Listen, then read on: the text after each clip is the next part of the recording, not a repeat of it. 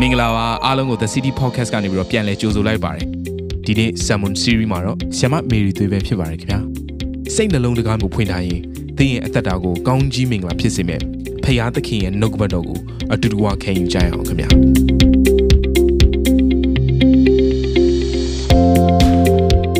မိသားစုများအားလုံးမင်္ဂလာပါအားလုံးနေကောင်းကြလားနေကောင်းတဲ့ဆိုတော့သူများကျေးဇူးပြုပြီးတော့ comment မှာကျွန်မနေကောင်းပါတယ်ကျွန်တော်နေကောင်းပါတယ်ဆိုပြီးတော့ ကျေးဇူးပြုရေးပေးပါအောင်အကယ်၍နေမကောင်းတဲ့သူရှိမယ်ဆိုရင်သူဒီမဟုတ်ဆွတောင်းခံချက်တွေရှိမယ်ဆိုရင်ကျေးဇူးပြုပြီးတော့ comment မှာဆွတောင်းခံချက်လေးတွေပေးပို့လို့ရပါတယ်အားလုံးကိုရေးပေးစီချင်ပါတယ်ပြန်ပြီးတော့ကျွန်တော်ကြည့်မှာဖြစ်တဲ့ဒီ comment လေးတွေအားလုံးကိုကျေးဇူးတင်တယ်ဒီနေ့မနေ့သင်နိုးထလာတဲ့အခါမှာတခုလောက်မေးချင်တယ်နော်တချို့သောသူတွေကဖုန်းကောက်ကင်ပြီးတဲ့သူအရင်ဆုံးရှိလား တချို့တွေကအိမ်သားတဲ့အရင်ဝင်တာရှိလားနုံနုံချင်းမှာတချို့သောသူတွေကအိမ်ရှင်မတွေကလည်းထမင်းအိုးကောက်ကင်ပြီးတော့ထမင်းချက်ဖို့ရန်သွားလားဘယ်ဟာကနေအရင်စလဲနနက်သစ်မှာနေ့ရက်သစ်မှာတရက်တာလုံးပြီးသွားတဲ့အခါမှာအစ်စ်အစ်ဖြစ်လာမယ့်အရာမှာတင်းရဲ့အစပြုခြင်းကဖျားနဲ့အစပြုဖို့ရန်အတွက်အရန်ရေးကြီးပါတယ်နောက်ဆုံးတင်းအတွက်လုံးဝအချိန်မရှိဘူးဆိုရင်တော့မှမင်္ဂလာပါခမီးတော်ဖျားမင်္ဂလာပါ သားတော်ဖျားမင်္ဂလာပါတန်ရှင်းသောဝိညာဉ်တော်ဖျားဆိုပြီးတော့နှုတ်ခွန်းဆက်တတ်တဲ့အလေးချင်းကိုစတင်ပြီးပြုစုစေခြင်းနဲ့အကယ်၍သင်လောက်ခဲ့ဘူးရဆိုရင်လည်းဒါကြီးကိုမပြတ်ပါနဲ့ဆက်ပြီးတော့လှုပ်ဆောင်စေခြင်းနဲ့ယခုနေ့ရဲ့ကာလတွေကစိုးရုပ်တဲ့အတွက်ကြောင့်မလို့ကာလအချိန်ကိုရွေးနှုတ်တတ်တော်သူများဖြစ်ပါစေ။ဒါကြောင့်ပညာမဲ့ကဲ့သို့မဟုတ်ဘဲနဲ့ပညာရှိကဲ့သို့စစ်စစ်မြင့်မြင့်တတိနဲ့ပြုမှုချင်းဆောင်တတ်တဲ့သူတွေဖြစ်ပေါ်ရန်အတွက်တယောက်စီတိုင်းပေါ်ဖရားတာ၍ကောင်းချီးပေးပါစေ။ ရှင်ပြန်တာဝိတ်ကတော့သူကသူ့ရဲ့ရောက်ကတိဖြစ်တဲ့ရှောလူကလိုက်တဲ့အခါမှာတောထဲမှာထွက်ပြေးရင်းနဲ့မှလူကသာတောထဲရောက်တယ်။သူ့ရဲ့နှလုံးသားကဖရားမျက်မှောက်တော်ရောက်နေတယ်။လူကသာပြေးနေတယ်။ဒါပေမဲ့နှလုံးသားကဖရားမျက်မှောက်တော်မှာအနားယူနေတယ်။ဒီနေ့မိသားစုများလူကအိယာထဲမှာရောက်နေတယ်နှလုံးသားကအဝေးကြီးရောက်နေလားတောထဲမှာပြေးနေလားဖျားစီကိုရောက်နေလား အချင်းတွေကိုကြည့်ပြီးတော့တည့်ရဲ့နှလုံးသားထဲမှာတည့်ရဲ့နှလုံးသားကတောလေယာကြံဖြစ်နေလားအချင်းတွေကိုကြည့်ပြီးတော့တည့်ရဲ့နှလုံးသားကဖျားစီကအဝေးဆုံးကိုရောက်နေလားဒီနေ့အဲ့လိုရောက်နေတယ်ဆိုရင်အချင်းတွေကြောက်ပုံဝင်းကျင်ကြောက်ဘယ်အကြောင်းအရာကြောင့်ပဲဖြစ်ဖြစ်တည့်ရဲ့နှလုံးသားက တောထဲမှာရောက်နေတယ်ဆိုဒါဝိတ်ကဲ့သို့ဖျားမျက်မှောက်တော်ထဲမှာရှိဖို့ရန်အတွက်အရန်ရေးကြီးတယ်ဒါဝိတ်ကတောထဲရောက်နေပေမဲ့နှလုံးသားကဖျားမျက်မှောက်တော်ကျမတို့ကအိမ်မှာထိုင်နေပေမဲ့နှလုံးသားကတောထဲမှာရောက်နေတယ်ဆိုမဟုတ်သေးပါဘူးเนาะပြန်ပြီးတော့ဒီအချိန်မှာနှလုံးသားတွေကိုပြန်ပြုပြင်စေခြင်းနဲ့ဒီဖယားနှုတ်ပတ်တော်လာတော့မယ်ဆိုရင်ဒီနှုတ်ပတ်တော်ကိုလက်ခံကြိုဆိုဖို့လိုတယ်ဒီနှလုံးသားတွေကိုတောင်ရောက်မြောက်ရောက်မဟုတ်ဘဲနဲ့မျက်မှောက်တော်ထဲမှာ အချိန်ယူပြီးတော့မျက်မှောက်တော်ထဲမှာအာယုံဆူးဆိုင်ပြီးတော့မျက်မှောက်တော်ထဲမှာလက်ခံကြိုဆိုတတ်တော်သူများတယောက်စီတိုင်းဖြစ်ပါစေဖျားတာရေးကောင်းချီးပေးပါစေဒီနေ့နှုတ်ကပတ်တော်ရဲ့ခေါင်းစဉ်ကအရေးပြားလှီးခြင်းနဲ့ယုံကြည်သူ၏အသက်တာအရေးပြားလှီးခြင်းနဲ့ဆိုဟာဆရာမမေရီဘာတွေရှောက်ပြောနေတာလဲရှက်စရာကြီးတော့ဒါတွေကပြောလို့မကောင်းပါဘူးဆရာမရဲ့ရှက်ဖို့ကောင်းလိုက်တာကျွန်တော်ပြောပြစေ ကျမ်းစာအုပ်ထဲမှာပါတဲ့အရာတစ်ခုချင်းစီတိုင်းကယနေ့ကျမတို့ဝိညာဉ်အသက်တာကိုဖျားပြုစုပေးနေတဲ့အရာပဲဖြစ်တယ်ဓမ္မဟောင်းပဲဖြစ်ဖြစ်ဓမ္မသစ်ပဲဖြစ်ဖြစ်ဒီအရာတွေအားလုံးကတင်းရဲ့ဝိညာဉ်ရနဲ့ဆက်နွယ်တဲ့အရာတွေဖြစ်တဲ့အတွက်ကြောင့်ဒီနေ့နှုတ်ပတ်တော်တွေကနေဖျားသိမ့်ကိုစကားပြောမယ့်အရာများစွာရှိပါတယ်ဝိညာဉ်အမြင်နဲ့ကြည့်ပြီးတော့ဝိညာဉ်သဘောနဲ့လက်ခံကြိုးဆိုပြီးတော့ဝိညာဉ်အတွက်ပြုစုကြရအောင်အခြေပြုကျမ်းလေးကိုခဏလောက်ဖတ်ပြချင်ပါတယ်ကိုလိုသဲခန်းကြီး1ငယ်7 ခရစ်တော်၏အရေးပြားလီခြင်းအဖြစ်ဇာတိပဂတိအဖြစ်၏ကိုကိုပယ်ရှင်း၍လက်ဖြစ်မလုသောအရေးပြားလီခြင်းကိုထိုသခင်၌သင်တို့သည်ခံကြသည်ဖြစ်၍နောက်ထပ်ကျမ်းပိုက်လေးတစ်ခုကိုဖတ်ပြချင်ပါတယ်တရားဟောအကျမ်းခန်းကြီး30အငယ်16ဖြစ်ပါတယ်တို့ဖြစ်၍သင်နှလုံးရည်ပြားကိုလှိဖြတ်လော့နောက်တဖန်ခိုင်မာသောလေဘေးမရှိစေနှင့် အရေးပြားလီးခြင်းလို့ပြောတယ်ဆိုရင်အရေးပြားလီးခြင်းကဓမ္မဟောင်းကာလမှာလှုပ်ဆောင်ခဲ့တဲ့အရာဖြစ်တယ်ဓမ္မဟောင်းကာလမှာအရေးပြားလီးခြင်းကိုဘယ်သူတွေကခံယူလဲဆိုတော့ဣသရေလလူမျိုးတစ်မျိုးတည်းကနေပြီးတော့အရေးပြားလီးခြင်းကိုလှုပ်ဆောင်တာဖြစ်တယ်တခြားသောလူမျိုးတွေတနည်းအားဖြင့်တပါးအမျိုးသားတွေကအရေးပြားလီးခြင်းကိုလှုပ်ဆောင်မလို့ပါဘူးဣသရေလလူမျိုးတစ်မျိုးတည်းကပဲအရေးပြားလီးခြင်းမင်္ဂလာကိုခံယူတာဖြစ်တယ်ဒီအရေးပြားလီးခြင်းမင်္ဂလာကိုခံယူတဲ့အခါမှာအမျိုးသမီးတွေနဲ့မသက်ဆိုင်ပါဘူးအမျိုးသားတွေပဲအရေးပြားလီးခြင်းမင်္ဂလာကိုခံယူတာဖြစ်တယ်အမျိုးသားတွေကိုအရေးပြလေးချင်းမင်္ဂလာခံယူတဲ့အခါမှာမွေးကင်းစကလေးယောက်ျားလေးကရှေ့ရက်မြောက်တဲ့နေမှာနော်သူရဲ့အမျိုးသားအင်္ကာရဲ့ထိတ်ကလေးကိုဖြတ်လိုက်တဲ့အရာဖြစ်ပါတယ်ဒီအရာလေးကဘာကိုပုံဆောင်လဲဆိုတော့ဖယားနဲ့လူနဲ့ကြားမှာ brain ပြုတ်တဲ့အရာလေးဖြစ်တယ်လို့ဣသရေလလူမျိုးတစ်မျိုးသားလုံးမှာဣသရေလလူဖြစ်ပြီးတော့အရေးပြလေးချင်းမခံယူဘူးဆိုရင်ဣသရေလအနွယ်ဝင်နဲ့မသက်ဆိုင်ဘူးလို့သတ်မှတ်တယ်လို့အရေးပြလေးချင်းမင်္ဂလာမခံယူတဲ့သူကဣသရေလလူတို့ရဲ့ inheritance လို့ခေါ်တဲ့အမွေဥစ္စာပိုင်ဆိုင်ခွင့်ကိုအရေးပြလေးချင်းမခံယူရင်လက်လို့ဆုံးရှုံးရပါတယ်ဒါဆိုအရေးပြလေးချင်းမင်္ဂလာခံယူတဲ့သူကသာလေဣသရေလရဲ့အမွေပိုင်ဆိုင်ခွင့်ကိုသူရရှိတာဖြစ်တယ်ဓမ္မဟောင်းကာလမှာအရေးပြားလိချင်းမင်္ဂလာကဘလောက်တောင်အရေးကြီးလဲအရေးပြားလိချင်းမင်္ဂလာအဖြစ်ဘလောက်တောင်ကောင်းကြီးမင်္ဂလာခံစားရလဲဆိုတဲ့အရာကိုခဏလောက်ကျမတို့အတူတကွလေ့လာကြည့်ရအောင်နော်ဆိုတော့ကျမတို့နှုတ်ကွက်တော်ထဲမှာခြိတဲ့အခါမှာဣသရေလလူတွေကအီဂျစ်ကနေပြီးတော့ ထွက်လာတယ်တော်လန်ခီမှာနှစ်ပေါင်း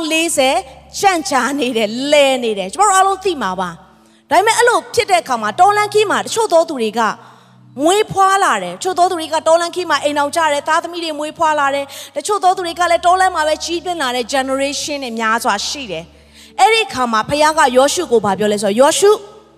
အဲ့ဒီတောမှာမွေးလာတဲ့သူတောမှာပဲကြီးပြင်းလာတဲ့ဒီမျိုးဆက်သစ်လေးတွေအရေးပြားလိချင်းမင်္ဂလာမခံယူရတဲ့တောမှာရှောက်သွားနေရတဲ့အခါမှာမွေးဖွားလာတဲ့သူတွေကို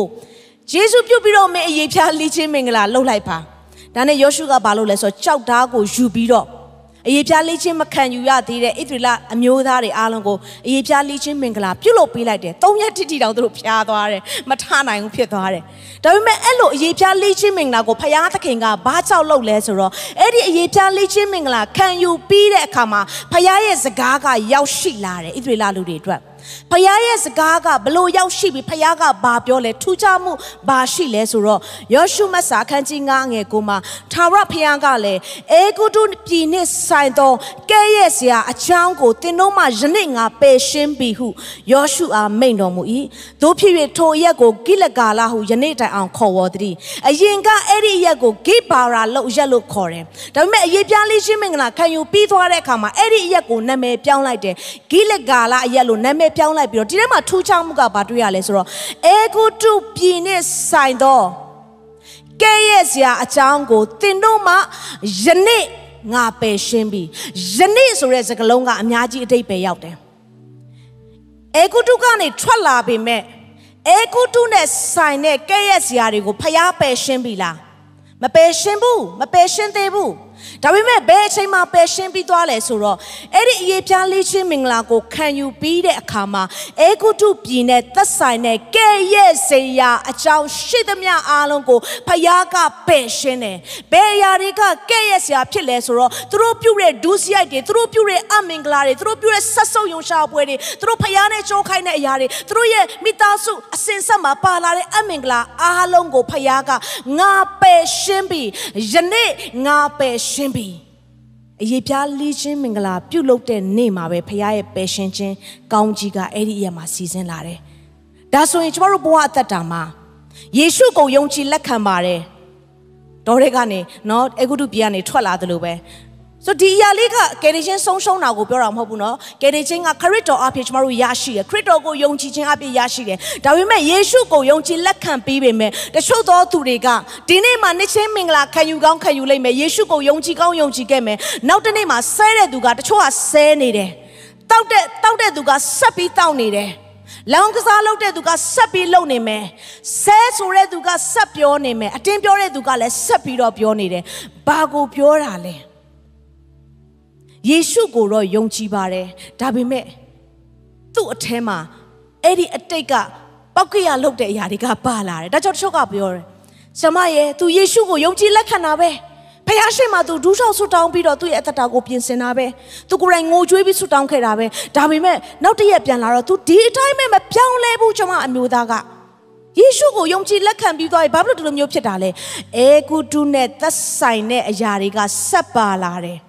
ဒါပေမဲ့အရေးပြားလီချင်းမင်္ဂလာခံယူတဲ့အခါမှာအေကုတုနဲ့သက်ဆိုင်တဲ့အရာအလုံးကိုငါပယ်ရှင်းပြီးဆိုပြီးဖျားပြောသလိုပဲတင်းရဲ့ဘဝအတ္တတာမှာ အရေးပြားလိချင်းလို့ခေါ်တဲ့เนาะခန္ဓာအရေးပြားလိချင်းမဟုတ်ဘူးဝိညာဉ်အရေးပြားလိချင်းကိုခံယူပြီးတဲ့အခါမှာသင်ရဲ့အတွင်းသက်တွေက trap ပေါ်လာပြီးတော့ totally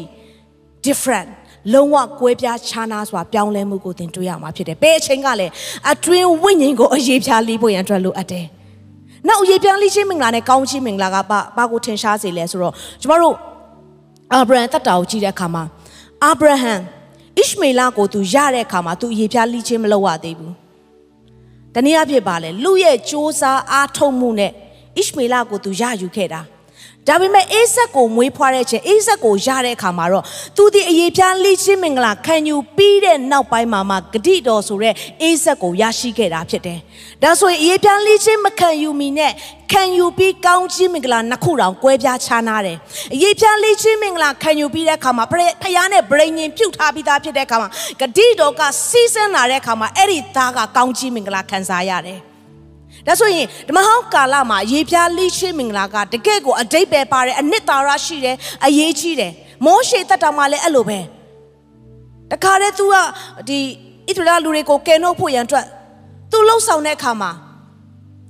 ဒေါ်လန်ခီမှာဖယားကသူ့ကိုတတ်ဖို့ရန်ရှာကြံနေတဲ့ကျွန်မအံ့ဩတယ်ဖယားပဲ assignment ပေးပြီးတော့သူ့ကိုဖယားပဲသူ့ကိုစေခိုင်းပြီးတော့ဖယားကတတ်ဖို့ရန်ရှာကြံတယ်ဘာကြောင့်ရှာကြံတာလဲသိလား အဲ့ဒီအချိန်မှာမောရှေကအရေးပြားလိချင်းမင်္ဂလာမခံယူရသေးဘူးဆိုဘုရားကမောရှေကိုချိလိုက်တဲ့ခါတိုင်းမှာအပြစ်သားဘုရားကမောရှေကိုချိလိုက်တဲ့ခါမှာညစ်ပတ်တဲ့သူဘုရားကမောရှေကိုချိလိုက်တဲ့ခါတိုင်းမှာဒူးစရိုက်သားကောင်နေနဲ့ပဲမြင်တဲ့ခါမှာတန့်ရှင်းတဲ့ဘုရားကဒူးစရိုက်တူကိုဒူးစရိုက်ကိုတွေ့တဲ့ခါမှာတပ်ဖို့ရရှာချင်တော့တာပေါ့အဲ့ဒီအရာကိုဘသူကကောင်းကောင်းနားလေလဲဆိုဇိပေါ်ရာလို့ခေါ်တဲ့မောရှေရဲ့ဇနီးတွေကကောင်းကောင်းသဘောပေါက်တယ်ဟာမဖြစ်ဘူးမဖြစ်ဘူး ဖယားလန်းကြည့်တဲ့အခါမှာပဒိညာဉ်ပြုတ်ခြင်းကိုမမြင်မဲနဲ့အဖြစ်ကိုပဲမြင်နေမဲ့အတူသူဘာလုပ်လဲချက်ချင်းပဲနော်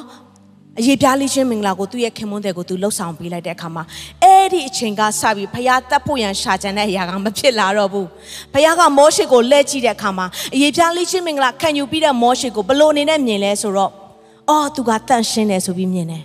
အရေးပြားလေးချင်းမင်္ဂလာခံယူပြီးတဲ့မောရှေကိုဟာ covenant လို့ခေါ်တဲ့ sign of covenant လို့ခေါ်တဲ့ဖခင်နဲ့မောရှေနဲ့ကြားမှာပြုတ်ထားတဲ့ဗဒိန်ငင်ကိုပဲဖခင်ကလမ်းမြင်တော့တာဖြစ်တယ်။ဒါဆိုအရေးပြားလေးချင်းမင်္ဂလာသည်နော်မျိုးနွယ်အတွက်ကောင်းချီးမင်္ဂလာကိုဖြစ်စေသလို ဒီဓမ္မဟောင်းကာလမှာအရေးပြားလေးချင်းမင်္ဂလာသည် covenant လို့ခေါ်တဲ့ဗြိဉ္ဉ်ပြုတ်ခြင်းကိုဖြစ်စေသလိုအရေးပြားလေးချင်းမင်္ဂလာသည်အတိတ်မှာရှိတဲ့အရာတွေကိုမေ့ပြောက်ခြင်းကိုဖြစ်စေသလိုဝိညာဉ်အရေးပြားလေးချင်းသည်သင်ရဲ့အသက်တာကိုပြောင်းလဲမှုဖြစ်စေတဲ့ကောင်းချီးမင်္ဂလာကိုဖြစ်စေတဲ့ဝိညာဉ်အရေးပြားလေးချင်းသည်သင်ရဲ့အရေးပြားလေးချင်းကြောင့်သင်မိသားစုကောင်းချီးမင်္ဂလာကိုဖြစ်စေတယ်ဟာလေလုယာတချို့ကဗြိဉ္ဉ်ပြုတ်ခြင်းလို့ပြောတဲ့အခါမှာရေပြားလေးချင်းကဗြိဉ္ဉ်ပြုတ်ခြင်းကို brain ရင်ပြုတ်ခြင်းလို့ပြောတဲ့အခါမှာ covenant လို့ခေါ်တဲ့ brain ရင်ပြုတ်ခြင်းနဲ့ contract လို့ခေါ်တဲ့စာချုပ်ချုပ်ဆိုခြင်းကိုအမြဲမားတယ် covenant လို့ပြောလိုက်ပြီဆိုသူတို့ကဗာမြင်လဲဆို contract စာချုပ်ချုပ်ဆိုခြင်းကိုမြင်တယ်ဒါဆိုရင်ဖခင်နဲ့ brain ရင်ပြုတ်ခြင်း covenant နဲ့ contract လို့ခေါ်တဲ့စာချုပ်ချုပ်ဆိုခြင်းကမတူပါဘူး contract ဆိုတဲ့စာချုပ်ချုပ်ဆိုခြင်းကနှစ်ဦးသဘောတူချုပ်ဆိုတာဖြစ်တယ်ဟုတ်ပြီ contract လို့ခေါ်တဲ့စာချုပ်ချုပ်ဆိုခြင်းမှာဒီနေ့ဒီရက်ဒီကာလလုံသွားတာ ਨੇ ဒီစာချုပ်ကပြက်ပြဲသွားပြီတစ်နှစ်တန်သည်10နှစ်တန်သည်အနှစ်20တန်သည်6နှစ်တန်သည်စသဖြင့်ပေါ့ဆိုတော့သူတို့အလုတ်သဘောအရာပဲဖြစ်တယ်မင်းစာချုပ်ဖြတ်ရင်ငါလည်းဖြတ်ပြီးသားပဲเนาะအလုတ်သဘောရပဲဒီနေ့မှာ6ရက်နေ့မှာဆိုရင်ဥပမာပေါ့6ရက်နေ့မှာစာချုပ်ပြည့်တယ်ဆို9ရက်နေ့ကလုံးဝမသက်ဆိုင်ဘူးအဲ့လိုမျိုး ဒါပေမဲ့ covenant လို့ခေါ်တဲ့ brain ရင်ပြုတ်ခြင်းကကြတော့လူနဲ့ဖျားချမှာပြုတ်တဲ့အရာဖြစ်တယ်အလုတ်သဘောမဟုတ်ဘူးအဲ့ဒါကမေတ္တာထဲမှာပေါင်းစည်းပြီးတော့ဖွဲ့ထားတဲ့ brain ရင်ပြုတ်ခြင်းရစ်ပတ်ထားခြင်းဖြစ်တယ်အဲ့ဒီ brain ရင်ပြုတ်ခြင်းကလူရဲ့အပိုင်းရှိတယ်လို့ဖျားရဲ့အပိုင်းရှိတယ်ဖျားရဲ့အပိုင်းမှာတော့ဖျားကဘာလဲဆိုတော့ငါကမင်းရဲ့ဖျားဖြစ်တယ်မင်းနဲ့ပတ်သက်သမျှအရာအားလုံးကိုအဲ့ဒီ brain ရင်ပြုတ်ခြင်းထဲမှာငါတာဝန်ယူမယ် ပတ်သက်သမျှအရာအလုံးထဲမှာတင့်ရဲ့ကျမ်းမာရေးလည်းပါတယ်စီးပွားရေးလည်းပါတယ်ဉာဏ်ပညာလည်းပါတယ်မျက်နှာသာပေးခြင်းလည်းပါတယ်ကွဲကားခြင်းလည်းပါတယ်စောင့်ရှောက်ခြင်းလည်းပါတယ်လုံခြုံစိတ်ချခြင်းလည်းပါတယ်အရာခက်သိမ်းအားလုံးပါတယ်ဒါပေမဲ့လူရဲ့အပိုင်းမှာတော့ဖခင်ကမင်းကငါရဲ့စကားကိုနားထောင်ပြီးတော့ပြည့်ညတ်တော်တွေကိုလိုက်လျှောက်ပါအဲ့ဒါဆိုရင်မင်းနဲ့ပတ်သက်သမျှမင်းနဲ့ပတ်သက်သမျှဆိုသူမိသားစုတွေရောပါလားပါတယ်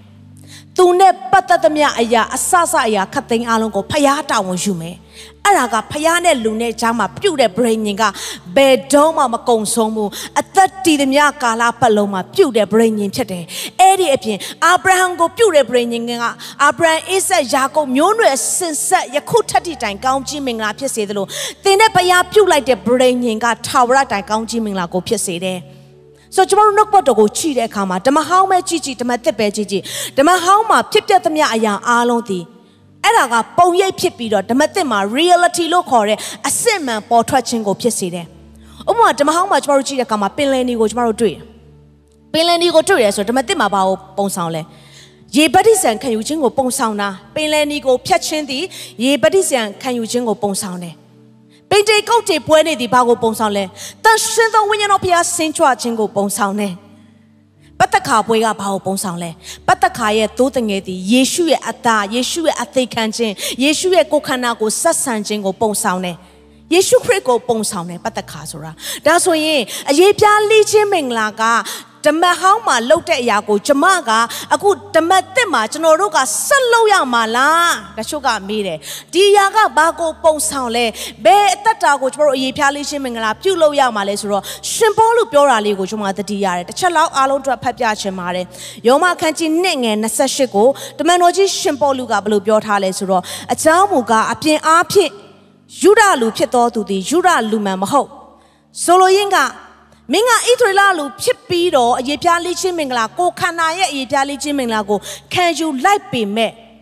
မင်းကယူရလူအစ်မဟုတ်ဘူးနော်ဒီထဲမှာပါရေးထားလဲဆိုတော့အပြင်အားဖြစ်တာကိုအသား၌အရေးပြားလီးချင်းတည်အရေးပြားလီးချင်းမှန်မဟုတ်ဆိုလိုရင်းကဘာသာရေးရလောက်ပဲအရေးပြားလီးချင်းမင်္ဂလာကိုခန္ဓာကိုလုံမယ်ဆိုရင်တဲ့စစ်မှန်တဲ့ပြောင်းလဲမှုစစ်မှန်တဲ့ဖခင်ရဲ့ဂျေဇုတော်ကိုမင်းမခံစားရပါဘူး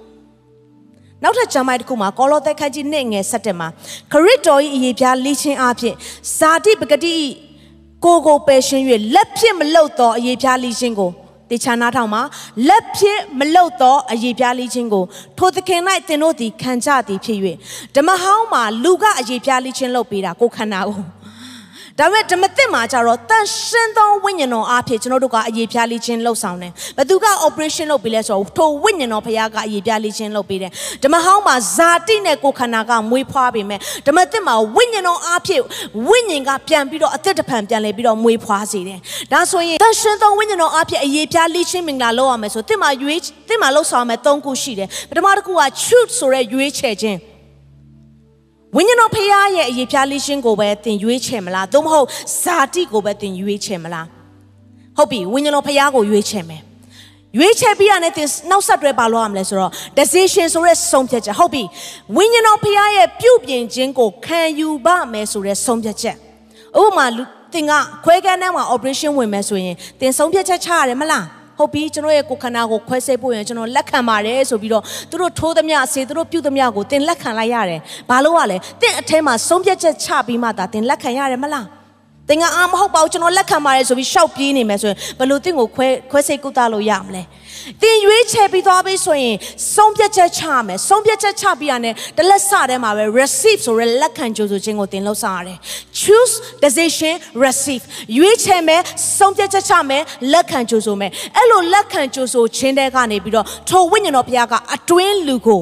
မကောင်းတဲ့တဲ့အထဲမှာရှိသမျှအရာအလုံးကိုတစချင်းစီထိုဝိညာဉ်တော်ဘုရားကဆွဲထုတ်มาဖြစ်တယ်ဟာလေလုယာဘုရားကအယံချစ်ဖို့ကောင်းတယ် အယံချစ်ဖို့ကောင်းတယ်ဘုရားသခင်ကကျွန်တော်တို့ကိုအတင်းချက်လုပ်တဲ့ဘုရားမဟုတ်ဘူးတင်လက်ခံလို့ရတယ်တင်ညင်းဆိုလို့ရတယ်ကဲတင်ချင်းတောင်မှတင်လက်ခံလို့ရတယ်လို့တင်ညင်းပယ်လို့ရတယ်ဖခင်နဲ့အနီးဆုံးမှာနေလို့နေလို့ရသူတင်းရဲ့နှလုံးသားကဖခင်စီကနေအဝေးဆုံးကိုလည်းတင်ထွက်ပြေးလို့ရတယ်ဖခင်ကတင်းကိုမေးနေတယ်ဒီနေ့မှာအဲ့ဒီတင်းရဲ့နှလုံးသားကို operation လုပ်ဖို့ရန်အတွက်လက်ခံပါလားတင်းကိုမေးနေတယ် ကိုရောကျမတော့မနှက်ဖြန်မမလုပ်ပါနဲ့တင်လက်ခံပါလားအခုတင်းကိုဝိညာဉ်တော်ဖခင်ကမေးတယ်သင်ရဲ့ဇာတိတွေကိုဖျက်ဖို့ရန်အတွက်ဝိညာဉ်တော်ဘုရားကိုကျွန်တော်လိုချင်လိုက်တာဆိုရယ်နှလုံးသားရှိလာပြီဆိုရင်ထိုဝိညာဉ်တော်ဘုရားကသင်ကိုပြုပြင်ဖို့ရန်အတွက်အစဉ်သင်းရှိတဲ့ဘုရားဖြစ်တယ်။ဒါဆိုရင်ဝိညာဉ်ပိုင်းဆိုင်ရာမှာအရေးပြားလှီးတယ်ဆိုတဲ့အခါမှာဘယ်နေရာတွေကိုလှီးရမလဲဆိုတော့ဝိညာဉ်အရေးပြားလှီးခြင်း သုံးနေရာကိုဆက်ပြီးတော့ကျွန်မပြောပြချင်ပါတယ်နံပါတ်1ကဝိညာဉ်ပိုင်းမှာအရေးဖြားလိခြင်းကဘယ်နေရာလဲဆိုတော့ဝိညာဉ်နာကိုအရေးဖြားလိပါပြောကြည့်ပါဦးဝိညာဉ်နာကိုအရေးဖြားလိပါယေရမိခန်းကြီး6ငယ်30ကိုခဏလောက်ဖတ်ပြချင်ပါတယ်သူတို့ဒီနားထောင်မိအကြောင်းအဘယ်သူကိုငါပြောပြသတိပေးရမည်နည်းသူတို့နားသည်အရေးပြားလိခြင်းမခံသောနားဖြစ်၍သူတို့ဒီနားမထောင်နိုင်ကြ ဒီထဲမှာရေးထားတယ်နော်သူတို့နားသည်သူတို့ရဲ့နားတွေကတဲ့ဒီကိုခန္ဓာဒီဒီနားကိုပြောတာမဟုတ်ဘူးနော်ဝိညာဉ်နားသည်အရေးပြားလိခြင်းမခံတဲ့နားဖြစ်တယ်တဲ့ဒါဆိုရင်ဒီဝိညာဉ်နားကအရေးပြားလိခြင်းမခံဘူးဆိုရင်ဘာတွေနဲ့ဖြစ်နေလဲဆိုတော့အရေးပြားလိခြင်းမခံတဲ့ဝိညာဉ်နာသည်မကောင်းတဲ့အရာတွေနဲ့ပဲဖြစ်နေတယ်မကြားခြင်းတဲ့အရာတွေဖျားကြားခြင်းတဲ့အရာတွေကိုကြားလားမကြားတော့ဘူးဖျားပြောတဲ့အရာတွေကိုကြားလားမကြားတော့ဘူး ဝိညာဉ်နာက shut ဖြစ်နေမဲ့ဝိညာဉ်နာကအရေးပြားလိချင်းမင်္ဂလာခံယူတယ်ဆိုရင်ဘုရားကိုဘာပြောလဲဆိုတာကြားရတယ်ကြားတဲ့အခါမှာကိုတုတ်ပြန်နိုင်တယ်တုတ်ပြန်နိုင်တဲ့အခါမှာဘယ်လိုလိုက်ရှောက်ရမလဲနာခံနိုင်တယ်လိုက်ရှောက်နိုင်တယ်ဒါပေမဲ့ဝိညာဉ်နာကအရေးပြားလိချင်းမခံယူတဲ့အခါမှာဘုရားသခင်ဘလောက်ပြောပြောမကြားတော့ဘူးဒီနားမှာပိတ်နေတယ်ကြီးပိတ်နေတယ်နော်နော်ဘာဘာကြီးလဲဆိုဒူးစရိုက်ကြီးတွေမကောင်းတဲ့ကြီးတွေနဲ့ပိတ်နေတယ် အဲ့လိုပိတ်တဲ့အခါမှာဖះပြောတာမကြားတဲ့အတွက်ကြောင့်မလို့ကိုကတစ်ဖက်သက်ပဲဖြစ်တယ်။ကျွန်မဆွတ်တောင်းလိုက်ပါတယ်ဒါပေမဲ့ဖះဘာပြောမှမသိဘူးဆွတ်တောင်းပြီးတော့ထွက်လာတယ်။ဝိညာဉ်နာကြီးပိတ်တာနဲ့ပဲပြန်လာတယ်။အနေမိသားစုများတင်းရဲ့ဝိညာဉ်နာမှာကြီးတွေပိတ်နေတယ်ဆိုရင်ဝိညာဉ်တော်ဖះအရေးပြားလိချင်းဝိညာဉ်နာကိုလှုပ်ဆောင်ပေးပါကိုရောဝိညာဉ်တော်ဖះရဲ့အရေးပြားလိချင်းခံယူတဲ့နာဖြစ်မှာဝိညာဉ်ဘိုင်းဆိုင်ရာမှာဝိညာဉ်တော်ဖះရဲ့ဖွင့်ပြခြင်းကိုချားပြီးတော့လိုက်လျှောက်နိုင်မယ်တုတ်ပြန်နိုင်မယ်နာခံနိုင်မယ် ကြားနိုင်မယ်။ဒီနေ့မိသားစုများတင့်နားထဲမှာတင်ကြားခြင်းတဲ့အရာကိုကြားလားဖယားကြားစေခြင်းတဲ့အရာကိုကြားလားနေ့တိုင်းမှာတင်ကြားခြင်းတဲ့အရာကိုပဲကြားတယ်ဆိုရင်တင်ဝိညာဉ်နာကကြီးပိတ်နေပြီဝိညာဉ်နာမှာကြီးပိတ်တဲ့သူတွေမဖြစ်ပါစေနဲ့ဝိညာဉ်နာမှာလင်းမြန်စွာကြားတတ်တဲ့သူတွေဖြစ်ဖို့ရန်အတွက်အရေးကြီးတယ် ဒါဆိုဒီလိုကြားဖို့ရန်အတွက်တန်ရှင်သောဝိညာဉ်တော်ဘုရားကျွန်တော်ရဲ့ဝိညာဉ်နာကိုကြားဖို့ရန်အတွက်ကိုတော်ပြုပြင်ပါဆိုတင်တုတ်ပြန်ဖို့လိုအပ်တယ်ယေရမိရဲ့အသက်တာမှာကျွန်မကြည့်တဲ့အခါမှာယေရမိကဖျားပြောတဲ့အရာကိုလင်မြန်စွာကြားတတ်တဲ့သူဖြစ်တယ်လင်မြန်စွာကြားတတ်တဲ့အတွက်ကြောင့်လင်မြန်စွာတုတ်ပြန်တတ်တယ်လင်မြန်စွာတုတ်ပြန်တတ်တဲ့အတွက်ကြောင့်ဖျားဖြစ်စေခြင်းတဲ့အရာကဘယ်အရာလဲဆိုတော့သူ့နှလုံးသားကအယံတုတ်ပြန်နိုင်တယ် ဖျားပြောတာနဲ့ချက်ချင်းချက်ချင်းသူတုတ်ပြန်နိုင်တယ်ဒါပေမဲ့ဣသရေလလူတွေကြတော့ ဖျားကြားခြင်းတဲ့အရာကိုမကြောက်ဖျားဘလောက်ပဲပြောပြောယေရမိရေးသွားပြောပါအောင်ယေရမိကအရန်ငိုတဲ့ prophet weeping prophet ဖြစ်တယ်နော်တစ်ချိန်လုံးငိုကြွတယ်ဘာကြောင့်လဲဖျားပြောတဲ့အရာကိုအမြဲကြားတတ်တဲ့ခါကျနှလုံးသားကချက်ချင်းတုတ်ပြန်နိုင်တယ်ဒါပေမဲ့ဣသရေလလူတွေကိုပြောတဲ့ခါတိုင်းမှာဘလောက်ပြောပြောဣသရေလလူတွေကမကြားနိုင်တဲ့အခါမှာယေရမိကြားတော့စိတ်တူလာတယ်ပေါက်ကွဲလာတယ်ကိုရကျွန်တော်ပြောသလောက်လည်းမကြားဘူးကျွန်တော်ဘလောက်ပဲပြောပြောမကြားဘာကြောင့်မကြားလဲဒီထဲမှာသူတို့နားသည်အေးပြားလီးချင်းမခံသောနားဖြစ်၍ ခဏနှုတ်ပတ်တော်ရောက်လာတဲ့အခါမှာသင်ကြားလားအဲ့ဒီနာဝိညာဉ်နာသည်ကြားတတ်လားဝိညာဉ်နာကြားတတ်ခြင်းသည်ဝိညာဉ်နာကြားတတ်ခြင်းကြောင့်နာခံခြင်းကတဆင့်လိုက်လျှောက်ခြင်းကိုဖြစ်စေတယ်။ဒီနေ့ကျမတို့ ယုံကြည်ခြင်းကကြားနာခြင်းအဖြစ်ဖြစ်တယ်ကြားနာခြင်းကလည်းဖခင်ရဲ့စကားတော်အဖြစ်ဖြစ်တယ်အဲ့ဒီကြားနာခြင်းမှာသင်ကြားခြင်းတဲ့အရာတွေနဲ့ပဲဖြည့်တာမဟုတ်ဘဲနဲ့ဖခင်ကြားစီခြင်းတဲ့အရာကိုသင်ရဲ့ဝိညာဉ်နာမှာဖြည့်ကြရအောင်ဟာလေလုယာဒါကြောင့်တန်ရှင်တော်ဝိညာဉ်တော်ဖခင်ကျွန်တော်ရဲ့ဝိညာဉ်နာကိုအရေးဖြားလိပေးပါအခုအခုချိန်မှာသင်ရှိတဲ့ရက်ကနေပြောပါတန်ရှင်တော်ဝိညာဉ်တော်ဖခင်ကျွန်တော်ရဲ့ဝိညာဉ်နာကိုအရေးဖြားလိပေးပါ အဲ့ဒါမှကိုရောပြောတဲ့အရာကိုကျွန်တော်ကြားတတ်မှာဖြစ်တယ်ဒုတိယချက်အနေနဲ့ကဘာလဲဆိုတော့ဝိညာဉ်နှုတ်ခမ်းကိုအရေးဖြားလီးပါခဏလောက်နှုတ်ပတ်တော်ကိုဖတ်ပြချင်ပါတယ်ထွမြောက်အကျမ်းခန်းကြီး6ငယ်7ဖြစ်ပါတယ်မောရှေကလည်းဣသရေလအမျိုးသားတို့သည်ကျွန်ုပ်ပြောသောစကားကိုနားမထောင်ဘဲနေသည်ဖြစ်၍ရေပြားလိခြင်းကိုမခံသောနှုတ်နှင့်ပြောတတ်သော အကျွန်ုပ်၏စကားကိုဖာရောမင်းသည်အဘယ်သို့နားထောင်ပါမည်နည်းဟုထာဝရဘုရားရှေ့တော့ရှေ့မှာရှောက်ဆို၏ဒီထဲမှာအယေပြားလိခြင်းကိုမခံတဲ့နှုတ်ဒါဆိုဒီကျမရချိမယ်ဆိုရင်နှုတ်ခမ်းသည်လည်းအယေပြားလိခြင်းကိုခံဖို့လိုအပ်တယ်ဒါကိုကောက်ယူပြီးတော့တင်းနှုတ်ခမ်းကိုတင်းလိဖြတ်တာကိုပြောတာမဟုတ်ဘူးနော်တချို့သောသူတွေကဆရာမမေရီကပြောလိုက်တယ်နှုတ်ခမ်းကိုရေးဖြားလိရမယ်ချက်ချင်းဓာတ်ကိုကောက်ကင်ပြီးဖြတ်နေတာပဲအဲ့ဒါမဟုတ်ဘူးဝိညာဉ်နှုတ်ခမ်းဆိုတာရှိတယ် ဘုရားကကျမတို့တယောက်ချင်းစီတိုင်းရဲ့နှုတ်ခမ်းကိုပိတ်သိပ်ပေးထားတယ်။တင်းနှုတ်ကနေကောင်းကြီးကိုစီးဆင်းသလိုတင်းနှုတ်ကနေကျိန်ဆဲခြင်းကိုစီးဆင်းနိုင်တယ်။တင်းနှုတ်ကနေအသက်ရှင်ခြင်းကိုစီးဆင်းသလိုတင်းနှုတ်ကနေသေခြင်းကိုစီးဆင်းတယ်။ဝိညာဉ်နှုတ်ခမ်းကိုအရေးဖြားမလီးတဲ့သူက သူ့ရဲ့ဘဝတက်တာမှာဒီနှုတ်ခမ်းအားဖြင့်လူမြောက်များစွာကိုတတ်နိုင်တယ်ဒီနှုတ်ခမ်းအားဖြင့်သူတစ်ပါးကိုနာကျင်အောင်ပြောနိုင်တယ်ဒီနှုတ်ခမ်းအားဖြင့်သူတစ်ပါးကိုစီးရင်နဲ့ဆုံးဖြတ်တယ်ဒီနှုတ်ခမ်းအားဖြင့်သူတစ်ပါးကိုကြောက်တုံးမှုကိုဖြစ်စေတယ်ဒီနှုတ်ခမ်းအားဖြင့်သူတစ်ပါးကိုစီးရင်စေတယ်ဒီနှုတ်ခမ်းအားဖြင့်အတင်းပြောတာတွေဖြစ်စေတယ်ဒါဆိုရင်မိသားစုများနေ့တိုင်းနေ့တိုင်းနေ့တိုင်းမှာတင်သက်ရှင်တဲ့အခါမှာအဲ့ဒီနှုတ်ခမ်းဝိညာဉ်နှုတ်ခမ်းကို အရေးဖြားလီးဖို့ရန်လိုအပ်တယ်ဒီနေ့မှာတင်ပါပြောလဲမနေ့ကတင်ပါတွေပြောနေလဲ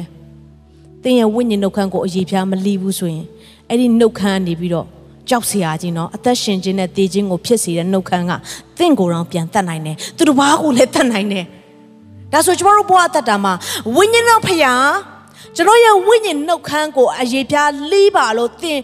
လက်ခံကြိုးဆိုခြင်းမရှိသရွေ့ အဲ့ဒီနှုတ်ခမ်းကရှောက်သွားရှောက်သွားပြီးတော့နော်လူတွေကိုတေးစီတေးစီတဲ့စိတ်တောက်တွေဖြစ်သွားစေနိုင်တယ် ဒါဆိုရင်နှုတ်ခမ်းရေးဖြားလိလိုက်တဲ့အခါမှာနော်ဒါကြောင့်နှုတ်ခွက်တော်တစ်ချက်မှာတုတ်တကြံခန်းကြီးဆက်ရှင်းငယ်နဲ့ဆက်တဲ့မှာရှာတိအသက်သေးခြင်းနဲ့ရှင်ခြင်းကိုအစိုးရ၏ရှာကိုနှစ်သက်တော်သူသည်လည်းရှာ၏အသီးကိုစားရ၏အသက်သေးခြင်းနဲ့ရှင်ခြင်းကိုအစိုးရတာဖြစ်တဲ့အတွက်ကြောင့်မလို့ဝိညာဉ်တော်ဘုရားကျွန်တော်ရဲ့နှုတ်ခမ်းကိုအရေးဖြားလိပါဝိညာဉ်တော်ဘုရားကျွန်တော်ရဲ့နှုတ်ခမ်းရှေ့မှာကင်းဆောင်ပါဝိညာဉ်တော်ဘုရားကျွန်တော်ပြောခြင်းနဲ့ຢာတွေလက်လွတ်စပယ်ပြောတဲ့ຢာတွေမဖြစ်ဘဲနဲ့ဝိညာဉ်တော်ဘုရားရဲ့ထိန်ချုံမှုနဲ့ဝိညာဉ်တော်ဘုရားပြောစေခြင်းတဲ့အရာကိုသာပြောပါစေအဲ့ဒီနှုတ်ခမ်းကနေအသက်ရှင်ခြင်းတွေစီးထွက်ပါစေဟာလေလုယာ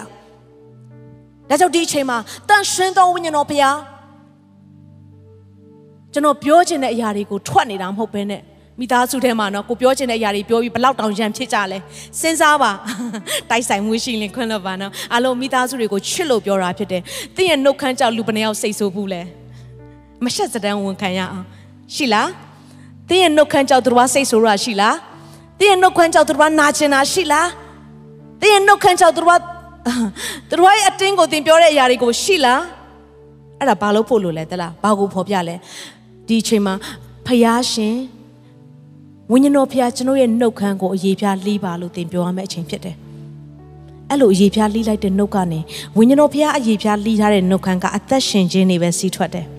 ဝိညာဉ်တော်ဖျားအရေးပြားလှီးတဲ့နှုတ်ခမ်းကသူတို့အတွက်ကောင်းချီးမင်္ဂလာတွေပဲစီးထွက်တယ်။အဲ့ဒီနှုတ်ခမ်းမှာတစိ့နော်နှုတ်ခမ်းမှာဗိတ်သိက်နှုတ်ခမ်းကကောင်းချီးမင်္ဂလာကဝိညာဉ်တော်ဖျားနဲ့ပေါင်းတဲ့အခါမှာတကိုးအရှင်ဟုန်နဲ့ပါတဲ့နှုတ်ခမ်းတွေဖြစ်လာတယ်။ဟာလေလုယာ။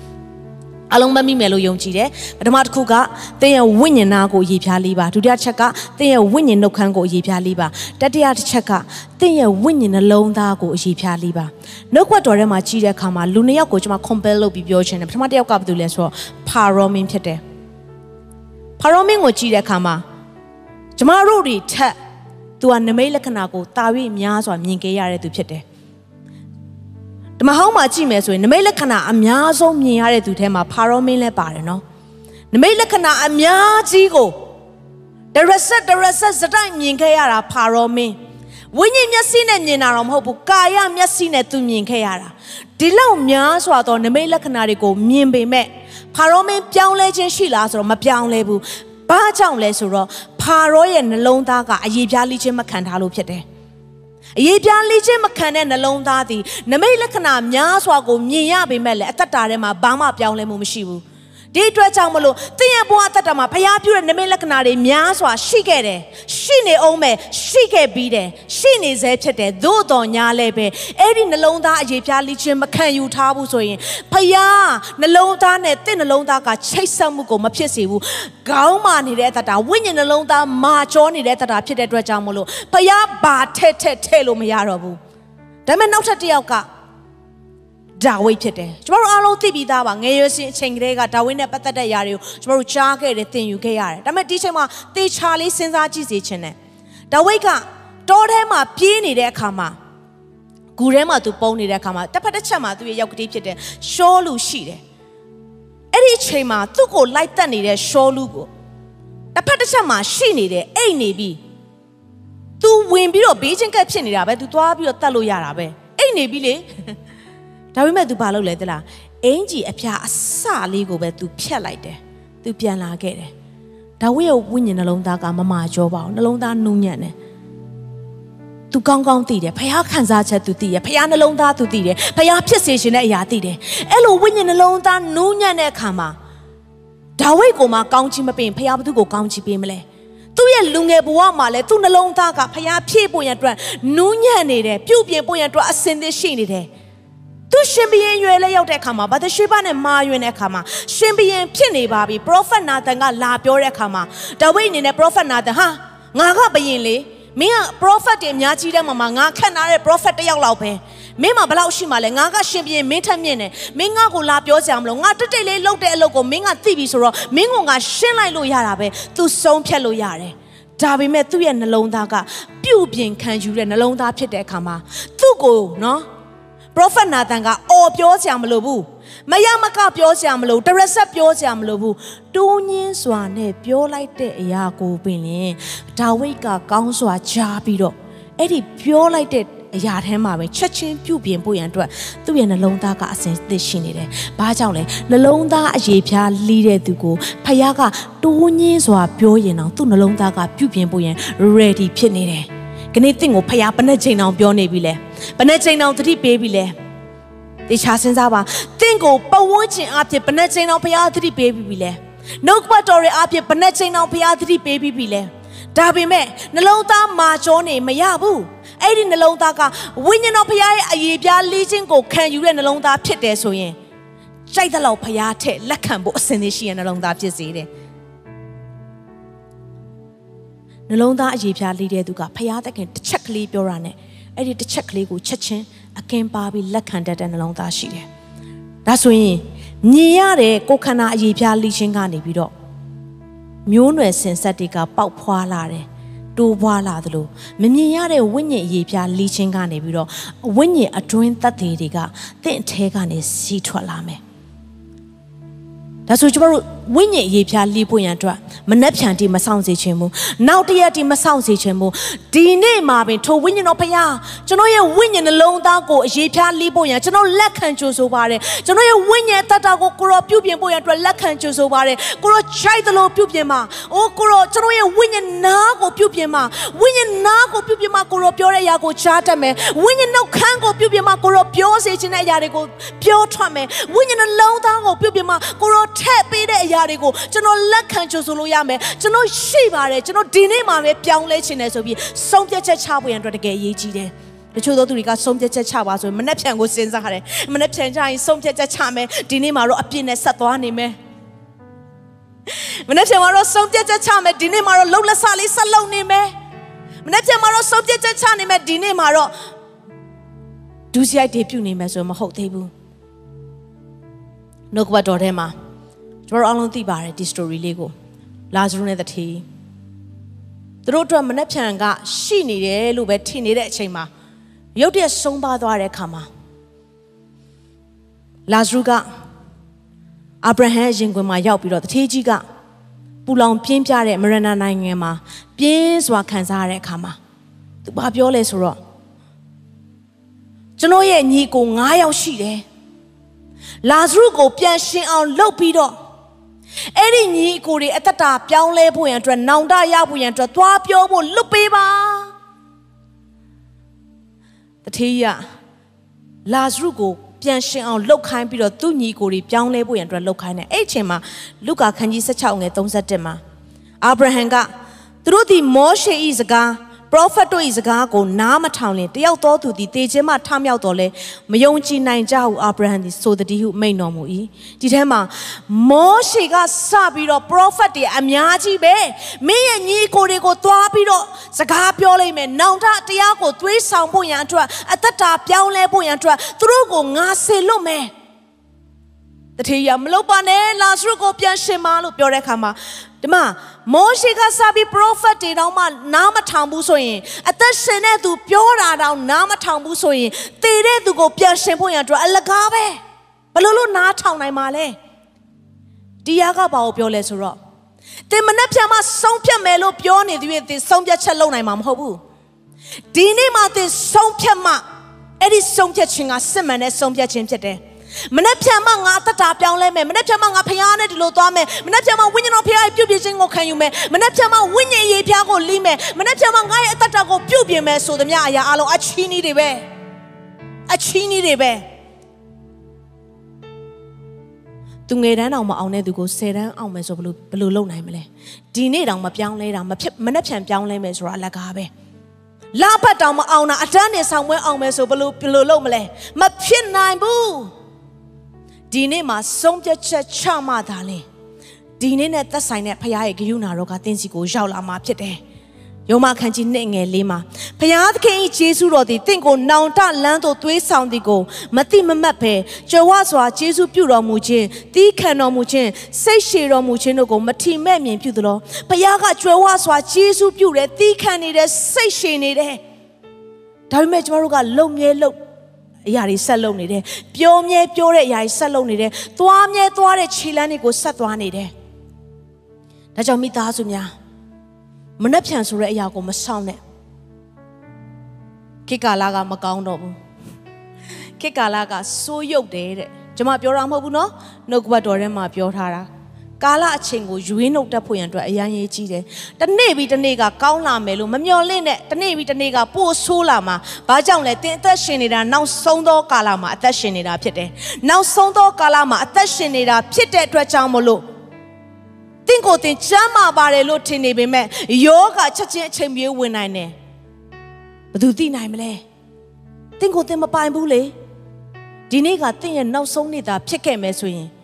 ဒီလိုပဲတင်အသက်ရှင်ပါလား ဒီနေ့သာတင်ရဲ့နောက်ဆုံးနေတာဖြစ်တယ်ဆိုရင်ဖျားရှိရောက်တဲ့အခါမှာတထေးကြီးလိုပဲလာဇရုကိုပြန်ရှင်ပြီးတော့ပျော်ပေးပါအောင်တင်လုံနေမလားဆုံးဖြတ်ရမယ့်သူကဘာသူလဲဆိုတော့တခြားသူမဟုတ်ဘူး။သင်ဘေးနာကသူမဟုတ်ဘူး။သင်ကိုယ်တိုင်ပဲဖြစ်တယ်။သင်ကိုယ်တိုင်ပဲဖြစ်တယ်။ဒါကြောင့်မိသားစုများဝိညာဉ်တော်ဖျားကျွန်တော်ရဲ့ဝိညာဉ်နာကိုရေးဖြားလေးပါ။ ကျွန်တော်ရဲ့ဝိညာဉ်နှုတ်ခမ်းကိုရေးဖြားလေးပါ။ကျွန်တော်ရဲ့ဝိညာဉ်နှလုံးသားကိုရေးဖြားလေးပါ။ဝိညာဉ်နာကိုရေးဖြားလိခြင်းအဖြစ်ကိုရောပြောတဲ့အရာတွေချတတ်စေပါ။ဝိညာဉ်နှုတ်ခမ်းကိုအရေးပြားလိခြင်းအဖြစ်ကိုရောပြောစီခြင်းတဲ့အရာတွေပြောထွက်စေပါဝိညာဉ်နှလုံးသားကိုအရေးပြားလိခြင်းအဖြစ်ကိုရောထဲ့သွင်းခြင်းနဲ့ဝိညာဉ်နဲ့သက်ဆိုင်တဲ့အရာတွေဝိညာဉ်စုကျေးဇူးတွေဝိညာဉ်ကောင်းချီးမင်္ဂလာတွေဝိညာဉ်ဘိသိက်တွေကိုစီးထွက်စေပါဒါကြောင့်ဒီအချိန်မှာမိသားစုများ မနှက်ဖြန်မှာဆုံးဖြတ်မယ်ဆိုတဲ့အရာကိုမလုပ်ဘဲနဲ့ခနေ့မှာဆုံးဖြတ်ကြရအောင်ဒီအချိန်မှာကျမတို့အသက်တာကိုခဏလောက်ပြင်ဆင်ဆက်ကပ်ပြီးတော့ဘုရားကိုခဏလောက်အာရုံပြုရအောင်မိသားစုများဖခင်ရဲ့အခွင့်အရေးကတင့်စီကိုတစ်ချိန်ပြီးတစ်ချိန်တင်းရဲ့အရှိကိုရောက်လာတယ်။ဒါပေမဲ့အဲ့ဒီအခွင့်အရေးကတင့်ရှိတဲ့တဲ့ကိုရောက်လာပေမဲ့ဒီအခွင့်အရေးကိုတင်လက်လို့ဆုံးရှုံးပြီးတော့ တင်ကြောခိုင်းခဲ့တာဘယ်နှချိန်တောင်ရှိပြီလဲ။နှုတ်ကပတ်တော်တွေကတင့်စီကိုများစွာလာခဲ့တယ်။ဒါပေမဲ့အဲ့ဒီနှုတ်ကပတ်တော်ကိုကြောခိုင်းပြီးတော့တင်နေခြင်းသလိုနဲ့အသက်ရှင်ခြင်းသလိုအသက်ရှင်ပြီးတော့တင်းရဲ့ဇာတိကိုအလိုလိုက်ပြီးတော့ဝိညာဉ်တော်ဖခင်ရဲ့ပြုပြင်ခြင်းကိုမခံမဲနဲ့အသက်ရှင်ခဲ့တာဘယ်နှရက်တောင်ရှိနေပြီလဲ။ဘယ်နှစ်နှစ်တောင်ရှိနေပြီလဲ။ဘလောက်တောင်ကြာနေခဲ့ပြီလဲမနေ့ပြန်ဆိုတာတင်းအတွက်ပြင်ဆင်မှုတွေအများကြီးရှိမယ်လို့တင်းထင်ပေမဲ့ တထေးကြီးနဲ့လာစရုလိုပဲတထေးကြီးရဲ့တက်တာမှာငါဘဝအတွက်မနေ့ပြန်အတွက်သူလှုပ်ရှားရတဲ့အများကြီးရှိတယ်မနေ့ပြန်အတွက်သူပြင်ဆင်စရာတွေအများကြီးရှိတယ်မနေ့ပြန်အတွက်အကောင်းဆုံးတွေသူအများကြီးရှိတယ်လို့ထင်ပေမဲ့အဲ့ဒီနေရာသူအတွက် last chance နောက်ဆုံးအခွင့်အရေးတောင်မရဘဲသူကြံခဲ့တယ်။ဘာကြောင့်လဲ။မနှက်ပြန်ဆိုတဲ့အရာတွေနဲ့သူအသက်ရှင်ခဲ့တယ်။ဒီနေ့မိသားစုများ မနေ့ပြန်မငါပြောင်းလဲလို့ရပါတယ်မနေ့ပြန်မငါအသက်ရှင်လို့ရတာပဲမနေ့ပြန်မဖခင်ရဲ့နောက်ကိုငါလိုက်လို့ရတာပဲမနေ့ပြန်မငါဖခင်နဲ့အတူမွေးလျော်လို့ရတာပဲမနေ့ပြန်မဝိညာဉ်တော်ဖခင်ရဲ့ပြုပြင်ခြင်းကိုငါခံလို့ရတာပဲသင်ထင်ကောင်းထင်နေပေမဲ့ဒီနေ့ဟာသင်အတွက်နောက်ဆုံးအသက်ရှင်တဲ့နေ့ရက်ဖြစ်မယ်ဆိုရင်အဲ့ဒီဒူးစရိုက်တင်တဲ့သင်ဆက်ပြီးအသက်ရှင်နေမှာလားဒီနေ့ဟာသင်အတွက်နောက်ဆုံးအသက်ရှင်ခြင်းဖြစ်တယ်ဆိုရင်မသက်ရှင်ခြင်းနဲ့ ဘုရားမနစ်သက်တဲ့အရာတွေဝိညာဉ်နှလုံးသားကိုအရေးပြမလိပဲနဲ့ဝိညာဉ်နာကိုရေးပြမလိပဲနဲ့ဝိညာဉ်နှုတ်ခမ်းကိုရေးပြမလိပဲနဲ့သင်သက်ရှင်ပါလားသို့မဟုတ်ဝိညာဉ်တော်ဘုရားဒီနေ့ဟာကျွန်တော်ရဲ့နောက်ဆုံးနေ့ရဆိုရင်ဝိညာဉ်တော်ဘုရားရဲ့ပြုပြင်ခြင်းကိုကျွန်တော်အခုပဲလက်ခံယူပြီးတော့ဝိညာဉ်တော်ဖခင်ကျွန်တော်ရဲ့အထဲကို operation လုပ်ပါဆရာဝန်ကဝိညာဉ်တော်ဖခင်ဖြစ်တယ်ကျွန်တော်ရဲ့အထဲကိုပြုပြင်ပါဆိုပြီးတော့ဝိညာဉ်တော်ဖခင်ကိုအခွင့်ပေးမလား ဆုံးဖြတ်ပါမိသားစုများဒီချိန်မှာသင်ရဲ့နှလုံးသားပေါ်လက်ကိုတင်ပြီးတော့သရှင်တော်ဝိညာဉ်တော်ဖခင်ကျွန်တော်ရဲ့ဝိညာဉ်အသက်တာကို operation လုပ်ပါပြုပြင်ပါကိုရောမချိုက်တဲ့အရာတွေကိုတစားစီဆွဲထုတ်ပါကိုရောမနစ်သက်တဲ့အရာတွေတစားစီပြုပြင်ပါဖယ်ရှားပေးပါတန်ရှင်းခြင်းကျွန်တော်ကိုပေးလျက်ဝိညာဉ်တော်ဖခင်ကျွန်တော်ထိုဝိညာဉ်တော်ဖခင်ကိုလက်ခံကြိုးဆိုပါတယ်ဆိုပြီးနှလုံးသားတွေကနေ ဝိညာဉ်တော်ဖခင်သင်ရဲ့အတွင်းဝိညာဉ်ကို operation လုပ်မယ့်အရာကိုလက်ခံကြိုးဆိုရအောင်ဒီအချိန်မှာဒီတခြင်းလေးကိုအတူတကွတီးဆိုနေတဲ့အခါမှာတင်နှလုံးသားပေါ်လက်ကိုတင်ပြီးတော့ဆုံးဖြတ်ချက်ချရအောင်တရှင်တော်ဝိညာဉ်တော်ဖခင်ဝိညာဉ်တော်ဖခင်မရှိဘူးဆိုရင်ကျွန်တော်အားနည်းမှာဖြစ်တယ်ဝိညာဉ်တော်ဖခင်မရှိဘူးဆိုရင်ကျွန်တော်ဘလို့အသက်ရှင်လို့ရမှာလဲဝိညာဉ်တော်ဖခင်မရှိဘူးဆိုရင်မနှက်ဖြန်ဆိုတာတော့ကျွန်တော်မစင်စားချင်တော့ဘူးတရှင်တော်ဝိညာဉ်တော်ဖခင်ကျွန်တော်ရဲ့အတွင်း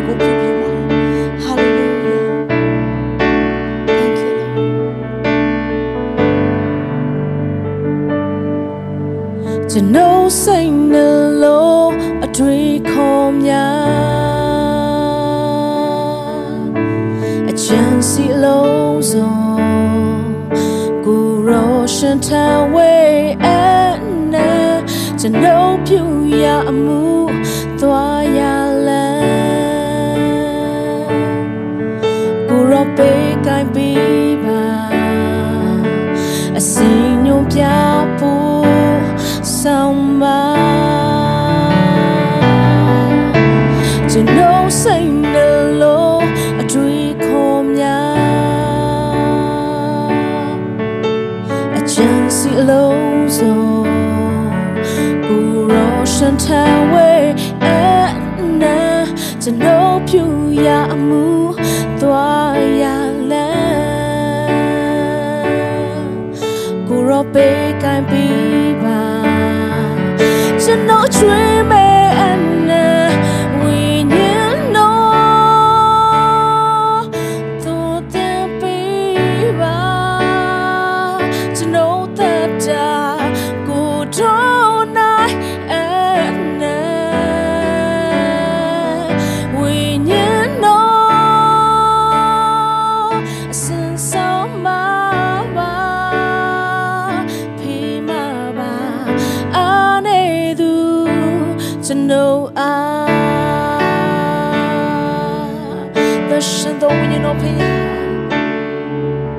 ဝိညာဉ်တော်ဖျားမရှိဘူးဆိုရင်ကျွန်တော်ကအားနေသူပဲဖြစ်နေမှာပဲဝိညာဉ်တော်ဖျားမပြုတ်ပြင်ဘူးဆိုရင်ကျွန်တော်ဘလို့အသက်ရှင်လို့ရမှာဟောသရှင်တော်ဝိညာ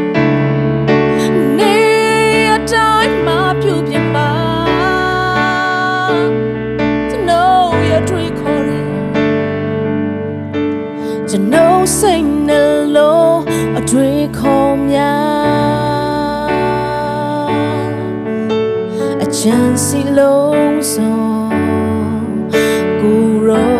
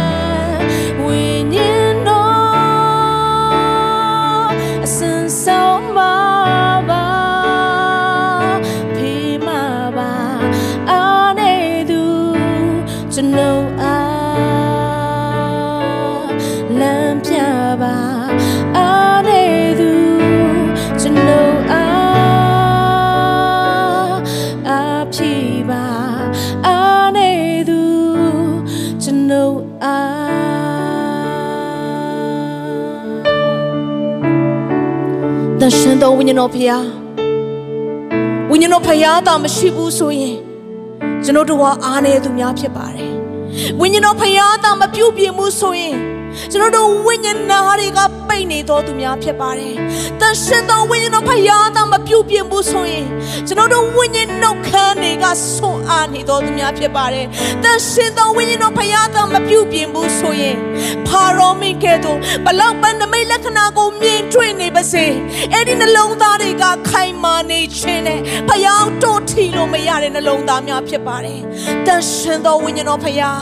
ခဏကျွန်တော်တို့ရဲ့အသက်တာကိုရောပြုတ်ပြင်းပါခဏကျွန်တော်တို့ choose လုပ်ပါတယ်ဝိညာဉ်တော်ဖခင်ကိုရွေးချယ်ပါတယ်အိုးကျွန်တော်တို့ decision လုပ်ပါတယ်ဆုံးဖြတ်တယ်ဝိညာဉ်တော်ဖခင်ရဲ့ operation လုပ်ခြင်းကိုလက်ခံဖို့ရန်ဆုံးဖြတ်ပါတယ်ကျွန်တော်တို့ receive လုပ်ပါတယ်ထိုဝိညာဉ်တော်ဖခင်ကိုလက်ခံကြိုးဆိုပါတယ်တန်ရှင်တော်ဝိညာဉ်တော်ဖခင်မနှက်ဖြန်အထိကျွန်တော်တို့မဆောင်တော့ဘူးမနှက်ဖြန်နေ့အထိကျွန်တော်တို့ဒုစရိုက်နဲ့အပေးယူလုပ်ဖို့ရမသွားချင်တော့ဘူးမနှက်ဖြန်အတွက်ပဲကျွန်တော်တို့အသက်ရှင်ခြင်းမဟုတ်ဘဲနဲ့ခဏကကျွန်တော်တို့ရဲ့နောက်ဆုံးနေ့ဖြစ်တယ်ဆိုရင်ဖယားနဲ့နဖို့တဲ့တူတွေနဲ့တွေ့ပြီးတော့သူနှလုံးသားတွေကကိုရိုဖြည့်ခြင်းနဲ့ကိုရိုပြုတ်ပြင်းခြင်းနဲ့အထက်ကနေအသက်ရှင်တဲ့ပုံသက်တွေအထက်ကနေရှင်သန်ခြင်းအသက်ဝိညာဉ်တွေစီးထွက်ပေါ်ရန်အတွက်ယခုပင်ယခုပင်ယခုပင်ကျွန်တော်လက်ခံကြိုးဆိုပါတယ်အဖဟာလေလုယာသရှင်တော်ဝိညာဉ်တော်ဖယားကိုရောကိုလိုအပ်ပါတယ်နေကျွန်တော်တို့နှလုံးသားကိုယခုမှစပြီးကိုရောပြုပြင်တော်မူပါယခုမှစပြီးကိုရောပုံသွင်းတော်မူပါယခုမှစပြီးကိုရောစီကိုကျွန်တော်တို့ပြန်လဲပါတယ်ဟာလေလုယာကိုရောကိုယေရှုတင်တယ်နိမိသားစုများ ထိုဝိညာဉ်တော်ဘုရားကိုတင်လက်ခံကြိုဆိုပြီးဆိုရင်တင်နှုတ်ကနေတင်ရှိတဲ့ရမှာဝိညာဉ်တော်ဘုရားကျွန်တော်ရဲ့ဝိညာဉ်နာကျွန်တော်ရဲ့ဝိညာဉ်နှုတ်ခမ်းကျွန်တော်ရဲ့ဝိညာဉ်နှလုံးသားပြုပြင်ဖို့ရန်အတွက်ကျွန်တော်လက်ခံကြိုဆိုပါရဲဆိုနှုတ်ခမ်းကိုဖွင့်ပြီးတော့တင်ရှိတဲ့အရာကနေပြောပါထိုဝိညာဉ်တော်ဘုရားကတင်နှုတ်ခမ်းအဖြစ်ပြောလိုက်တဲ့အရာအတီးပြုတ်ခြင်းနဲ့ဒီနေ့ကစပြီးတင်ကိုနေ့ရက်တိုင်းမှာပြုပြင်တော်မှာဖြစ်တယ် ဂျေစုတင်တယ်ကိုရောကိုဂျေစုတင်တယ်နှုတ်ပတ်တော်အတွက်ဂျေစုတင်တယ်သရှင်တော်ဝိညာဉ်တော်ဘုရားအခုနှုတ်ပတ်တော်ကိုခံယူတဲ့သူတယောက်စီတိုင်းအသက်တာမှာဝိညာဉ်တော်ဘုရားကိုလက်ခံကြိုဆိုလျက်ထိုဝိညာဉ်တော်ဘုရားရှင်ချင်းတကိုးကိုလက်ခံကြိုဆိုတော်သူများဖြစ်စေပါဖဟာလေလုယာမိသားစုများဖခင်သခင်ကတင်ကိုဘာကြောင့်ပြုပြင်ခြင်းလုပ်ရတယ်ဆိုတော့ဘုရားကပြောတဲ့အရာတစ်ခုပဲရှိတယ် I am yours and you are mine ငါမင်းကိုပြုပြင်တယ်ဘာကြောင့်လဲဆိုတော့မင်းကငါရဲ့အတွက်ပဲဖြစ်တယ်အရာအလုံးကဖခင်ရဲ့အထက်ကခရစ်တော်အဖြစ်ခရစ်တော်အဖို့လို့ငါခရစ်တော်အထဲ၌အသက်ရှင်တော်သူများဖြစ်ဖို့ရန်အတွက်ဝိညာဉ်တော်ဖခင်ကပြုပြင်ပေးတာဖြစ်တယ်ကိုရောကိုယေရှုတင်တယ်ခဏနှုတ်ပတ်တော်အတွက်ကိုရောကိုယေရှုတင်တယ်သက်ရှင်တော်ဝိညာဉ်တော်ဖခင်ကိုရောစင်ကြွားတဲ့အတွက်ယေရှုတင်တယ်သက်ရှင်တော်ဝိညာဉ်တော်ဖခင်တယောက်စီတိုင်းကိုပြုပြင်နေတဲ့အတွက်ယေရှုတင်တယ်သက်ရှင်တော်ဝိညာဉ်တော်ဖခင်တို့ရှိတဲ့အရာမှာနှလုံးသားများသည် ကိုရောထံကိုရစ်ပူဇော်နေတဲ့အတွက်ယေရှုတင်တယ်ဖယေရှုတော်ကိုချီးမွမ်းလျက်ယေရှုနာမနဲ့ဆုတောင်းဆက်ကအနံ့ကြပါ၏အာမင်